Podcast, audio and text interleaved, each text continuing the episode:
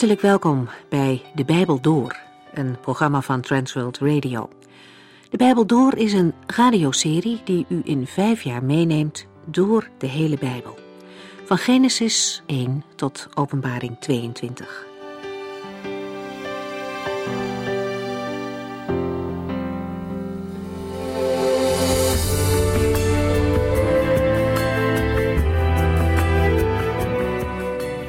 We zijn bezig met Genesis. Vandaag is hoofdstuk 36 aan de beurt.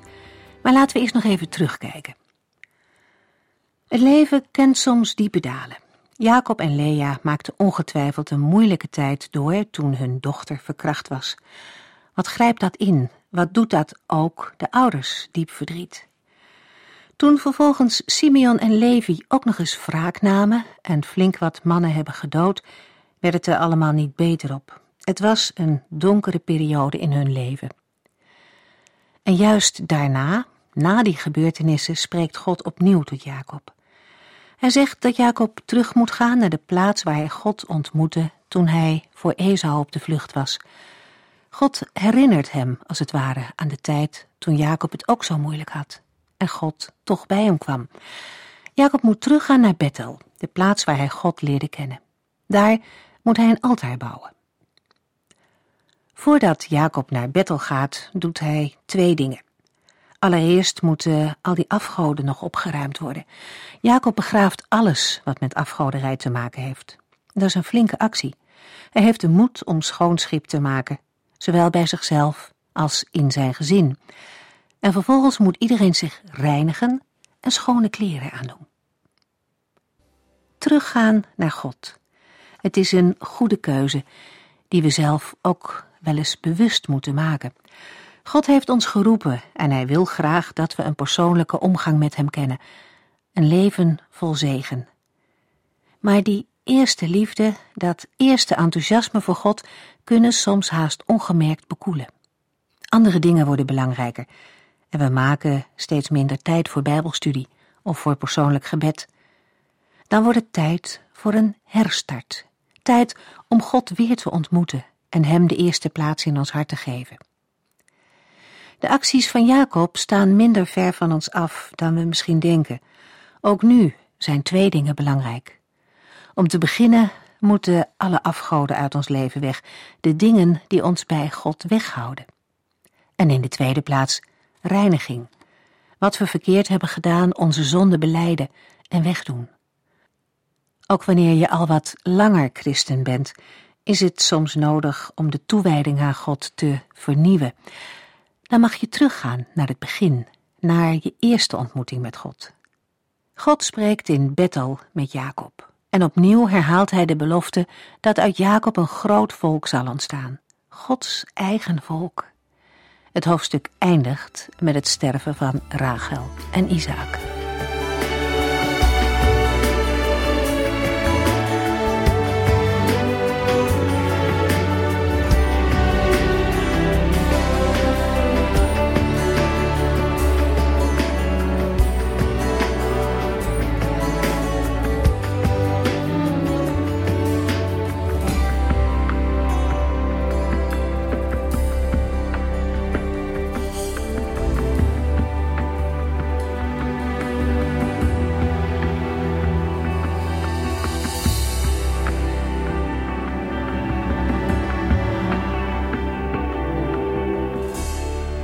Genesis 36 gaat helemaal over de familie van Esau. Esau is de stamvader van de Edomieten. Ze wonen in het land Edom. In de eerste vijf versen vinden we een kort Toledot gedeelte met de namen van de vrouwen van Esau en hun kinderen. Toledot is de kenmerkende formule die we steeds tegenkomen in het Bijbelboek Genesis en wordt meestal vertaald met dit is de geschiedenis van. Genesis 36 is een geweldig hoofdstuk voor iemand die wat dieper in de familieregisters wil duiken en zich wil verdiepen in de volken die eruit zijn ontstaan. We zullen ontdekken dat sommige van de namen die we in Genesis 36 vinden, nog steeds bestaande namen zijn en ook vandaag nog in hetzelfde gebied voorkomen. Omar, de tentenmaker, hoort erbij, maar ook Teman, Sefo, Kenas en Korach. Genesis 36 gaat over de familie van Esau. De familie van Esau vestigde zich in Edom, dat ten zuidoosten van de Dode Zee ligt. Het is een bergachtig gebied en de hoofdstad Petra bestaat nog steeds. Petra is een stad uitgehouwen in de rotsen. Profetieën over Edom in de boeken van de profeten Jezaja, Jeremia, Ezekiel en Obadja zijn in vervulling gegaan. De eerste keer dat we Esau ontmoeten, zien we hem als een opgroeiende jongen in het gezin van Isaac. Hij was iemand die het liefste buiten was, in de vrije natuur. Wij zouden zeggen, Esau zag er goed uit en had een atletisch voorkomen. Ja, aan de buitenkant zag hij er aantrekkelijk uit. Maar als er ooit een man is geweest die van de dingen van de wereld heeft genoten, dan is het Esau geweest. Zijn huwelijken laten zien dat hij zich vermengt met de Canaanitische bevolking, tot groot verdriet van zijn ouders. Het was ook in strijd met de opdracht van de Heere God. Een opdracht tot afzondering voor de nakomelingen van Abraham. We hebben dat gelezen in Genesis 24 en 28. Zoals we net al hoorden, stammen de Edomieten van Ezo af. In Genesis 36 wordt drie keer gezegd dat Esau de vader van Edom is. De namen zijn zelfs synoniem. Ik kan me voorstellen dat er luisteraars zijn die zich afvragen: wat is dan het verschil tussen Edom en Esau? De naam Edom voor Esau is gebaseerd op de rozige kleur van zijn haar en de gebeurtenis met Jacob en de roodgekleurde linzenmoes. Edom betekent rood. Edom is ook de naam voor het land en het volk van Esau's nakomelingen. Daarom is er ook sprake van het land Edom en de landstreek van Edom. De Edomieten hebben de Gorieten verdreven die voor hen in hetzelfde gebied woonden. Er wordt in de Bijbel ook gesproken over het gebergte van Esau. Het grondgebied van Edom was op het gebergte Seir. Zetten we alles nog eens op een rijtje, dan kunnen we het volgende zeggen. Seir is een geografische verwijzing, Edom een staatkundige en Esau een verwijzing naar de afstamming. Het land Edom lag ten oosten van de Araba. Dat is de laagte van de Dode Zee. Naast jacht en handel waren veeteelt en landbouw middelen van bestaan. Kenmerkend zijn de rode, roestkleurige Nubische zandsteen en de witte kalksteen. De profeten van het Oude Testament, die het oordeel over Edom aanzeggen, spreken de bewoners aan met: U die daar in de rotskloof en op de bergen woont. Het onvruchtbare westelijke deel van Edom wordt geschetst in de woorden van Isaac tot Esau. Zie, ver van de vette grond zul je wonen, ver van de hemelse dauw. Genesis 27, vers 39. Edom is aan verschillende kanten omringd door een woestijn. Voor de uitbreiding van hun gebied waren de Edomieten aangewezen op het noorden. Daardoor kwam het regelmatig tot gevechten met Juda. In de geschiedenis van Esau en Jacob kan zeker de vraag gesteld worden waarom de Heere God Jacob verkoos boven Esau. We hoorden net al dat Esau een knappe man was om te zien. Is het niet mogelijk dat er een fout is gemaakt? Ik denk van niet. In een van de kleine profeten, het Bijbelboek Obadja, ontdekken we het ware gezicht van Esau. De nakomelingen van Esau zijn uitgegroeid tot een volk van zo'n honderdduizend Edomieten. Ze lijken op een of andere manier allemaal op hun stamvader Esau. We zien een volk dat vol is van eigen eer en trots. De Heere God zegt tegen Edom in Obadja 1, vers 3 en 4: U bent trots omdat u in die hoge, ontoegankelijke rotskloven woont. U bluft. Wie zou ons hier ooit kunnen bereiken? Bedrieg u zelf niet, al vloog u zo hoog als een arend en bouwde u een nest tussen de sterren. Ik zou u daar vandaan naar beneden laten tuimelen, zegt de Heere. Trots was de verklaring van hun onafhankelijkheid en opschepperij. Wie zou ons hier ooit kunnen bereiken? De hoogmoed van de Edomieten ging zo ver dat ze dachten ook onaantastbaar voor God te zijn. Ze kunnen wel zonder God en hebben geen behoefte aan God. Dat is Esau ten voeten uit. In het laatste boek van het Oude Testament, Malachi, zegt de Heere God tegen het volk Israël: Ik heb u innerlijk lief gehad. Ik toonde mijn liefde voor u door te houden van uw voorvader Jacob. Dat was mijn eigen keus. Ik heb zelfs zijn broer Esau gehaat en Esaus bergen en erfenis verwoest. Ik gaf het aan de jakhalzen in de woestijn. De Heere zei dat meer dan duizend jaar na de geschiedenis van Esau en Jacob. Maar God kende vanaf het begin het hart van Esau. Zijn levensloop, de keuze die hij maakte, zijn desinteresse voor God en zijn trotse houding maakt het voor iedereen duidelijk dat God zich niet heeft vergist met Esau. Genesis 36, vers 1. Hier is een lijst van de afstammelingen van Esau, die ook wel Edom werd genoemd. Ook in het eerste vers van Genesis 36 worden Esau en Edom al direct genoemd en zien we dat het om hetzelfde gaat. Esau trouwde met drie Canaanitische meisjes. Ada, de dochter van de Hethiet Elon, Oholibama, de dochter van Anna, een kleindochter van de Heviet Sibon, en Basmat, de dochter van Ismaël, dus Esaus nicht, en de zuster van Nebajot. Genesis 36, vers 2 en 3. De huwelijken van Esau laten zien dat hij zich vermengde met de Canaanitische bevolking, tot groot verdriet van zijn ouders. Bovenal was het in strijd met de opdracht van de Heere God, een opdracht tot afzondering voor de nakomelingen van Abraham. Genesis 36, vers 6 tot en met 8. Toen nam Esau zijn vrouwen, zijn kinderen, zijn hele huishouding, het vee en de kudde, alle bezittingen die hij in Canaan had vergaard, en trok naar het gebergte Seir, weg van zijn broer Jacob. Het land was niet groot genoeg om in alle behoeften van hun vee te voorzien. Als we dit horen en lezen, dan herinnert het ons aan de geschiedenis van Abraham en Lot. Ze hadden hetzelfde probleem. Er was te weinig weidegrond voor het vee. En daarom gingen ze uit elkaar.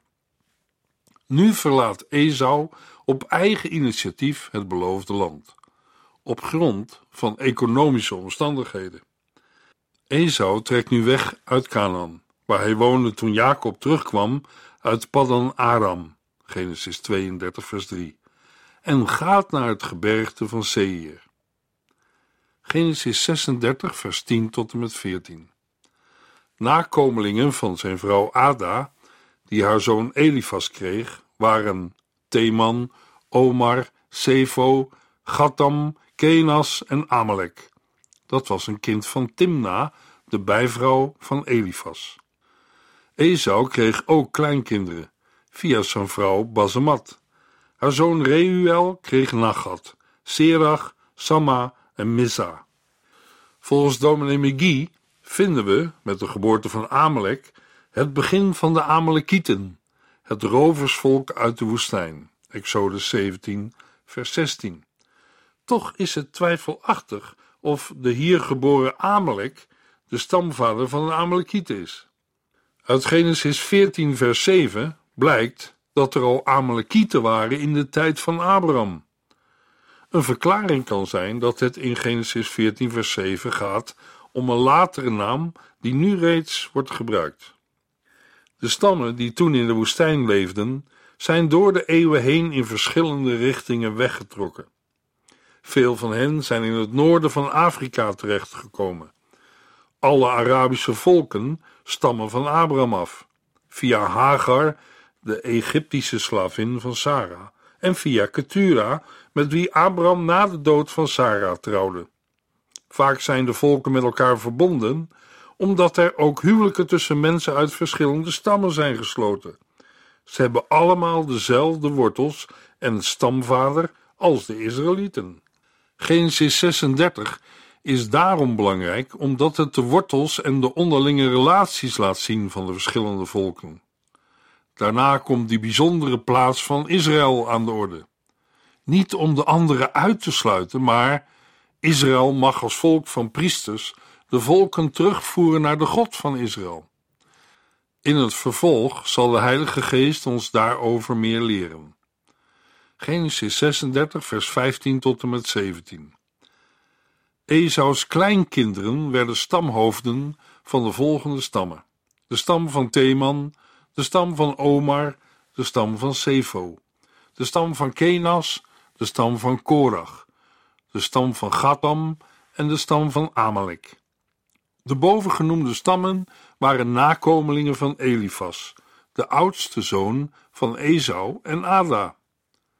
De volgende stammen waren nakomelingen van Reuel, de zoon die Esau en Basemat kregen in Canaan. De stam van Nagat, de stam van Zerach, de stam van Samma en de stam van Missa. In deze en de volgende versen worden de stamhoofden van Edom gegeven. Het grappige van deze verse is dat de mens zich afvraagt waar nu plotseling al die stamhoofden vandaan kwamen. In andere vertalingen lezen we over vorsten of koningen. Is hier voor het eerst sprake van een soort adel? Er staat niet bij op welke manier de kleinkinderen van Esau stamhoofden zijn geworden.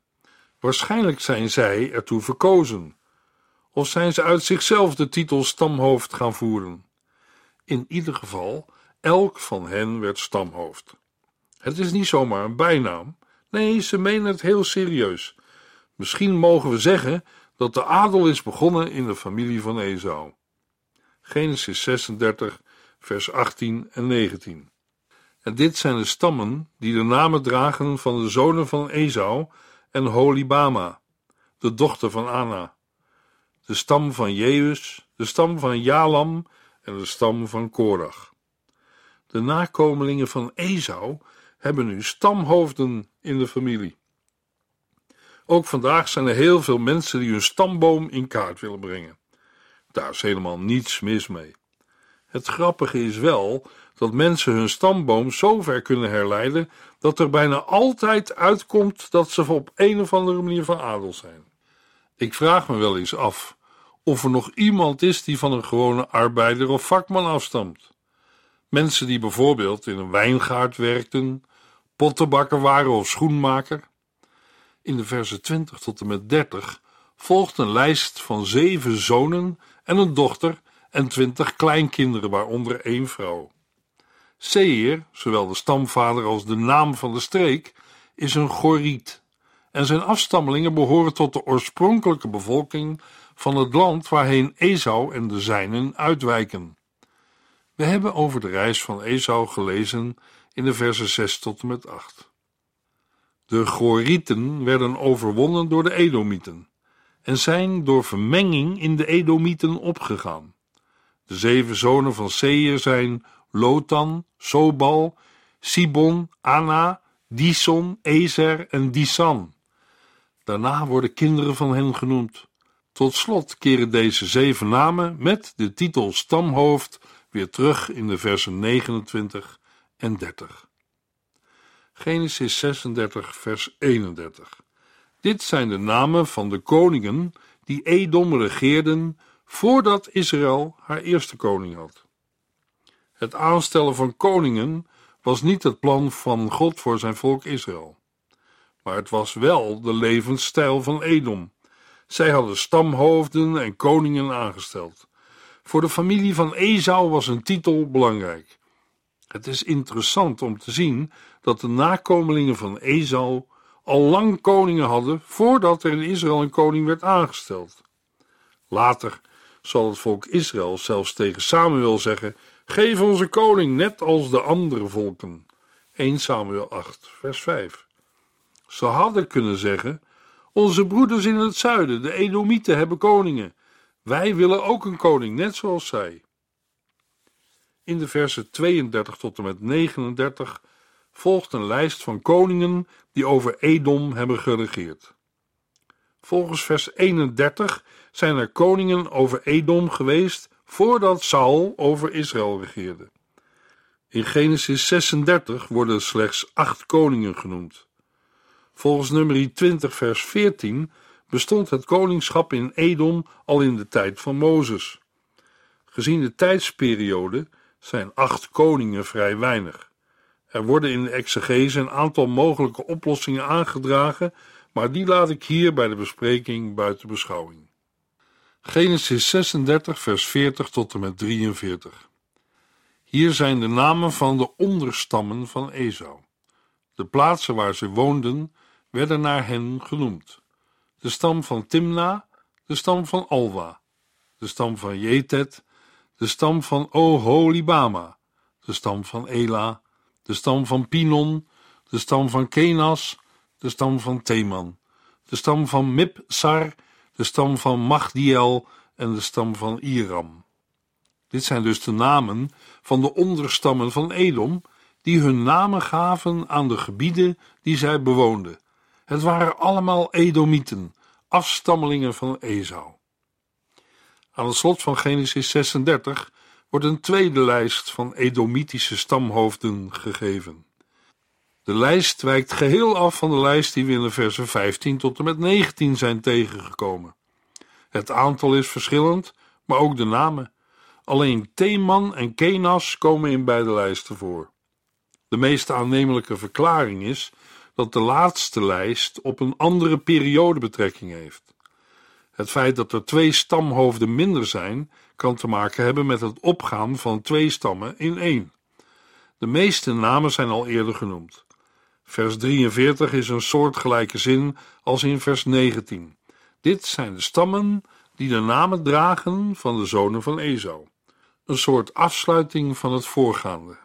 Nadat zo de nakomelingen van Esau, de vader van de Edomieten, genoemd zijn, volgen in Genesis 37 de nakomelingen van Jacob. Hij heeft naar aardse maatstaven veel minder bereikt dan Esau. Hij woont in het land van de vreemdelingschap van zijn vader, in Canaan. Hij heeft bijna geen eigen grond in bezit. Onder zijn nakomelingen vinden we geen stamhoofden en koningen. In aantal is Jacob ook de mindere. In Genesis 46, vers 27 lezen we: Met Jozefs twee zonen meegerekend, bestond de gehele familie daar in Egypte uit 70 mensen. Maar Jacob is wel de drager van Gods belofte. In de lijsten met namen die we in Genesis 36 hebben gelezen, staan zowel gegevens van de echte Edomieten als ook van de oude landsbevolking. De echte Edomieten voerden hun afstamming terug op Esau. De landsbevolking gaat terug op de Gorieten. De historische waarde lijkt groot te zijn, maar voor ons staan er meer dan eens te weinig gegevens om een goed beeld te kunnen vormen. In ieder geval is Esau buiten het beloofde land gaan wonen. Aan wereldlijk succes ontbreekt het hem niet.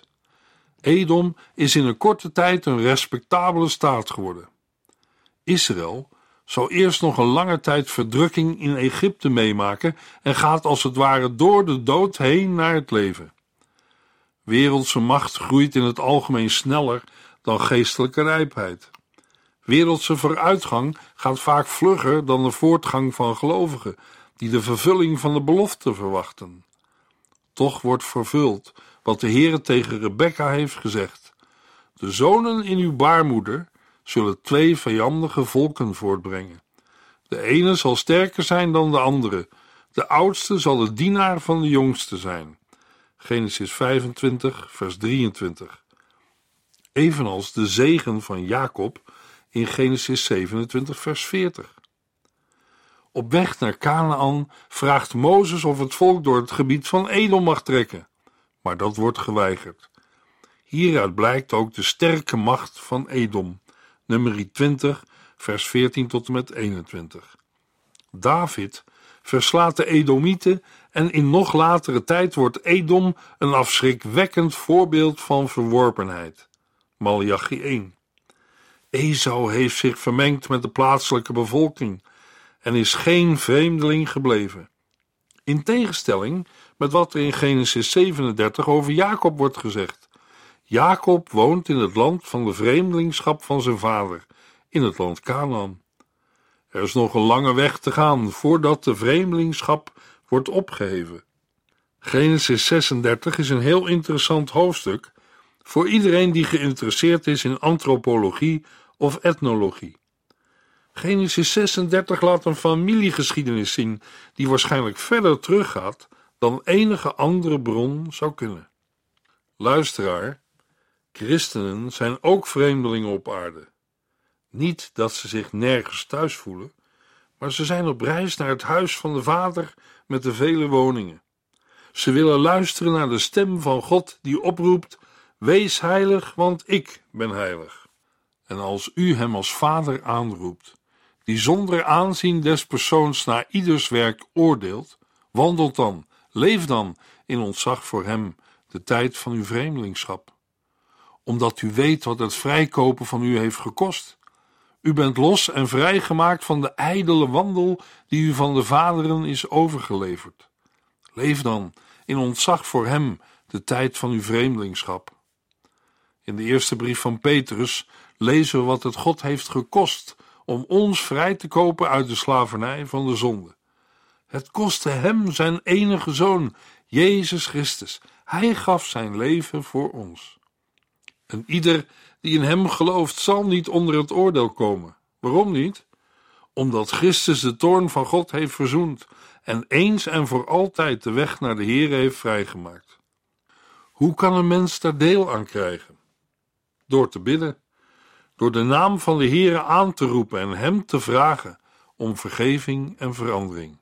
Ja, maar, zal iemand zeggen, ik ben er niet bij opgegroeid of ik ga nooit naar een kerk.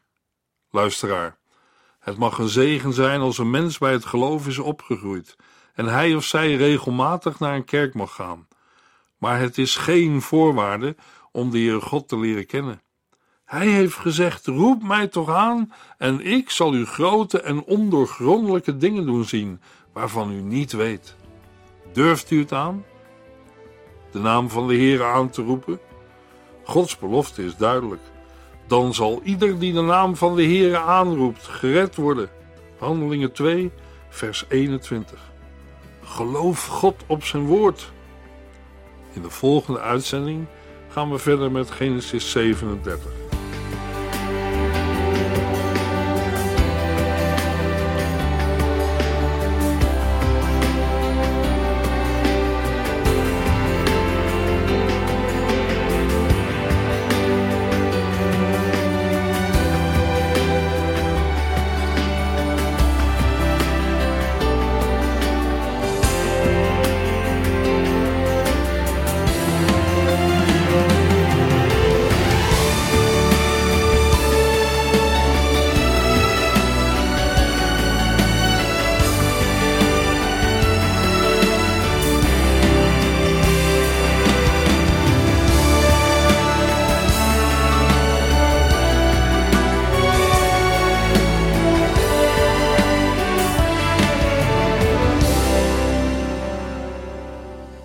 Geluisterd naar De Bijbel Door.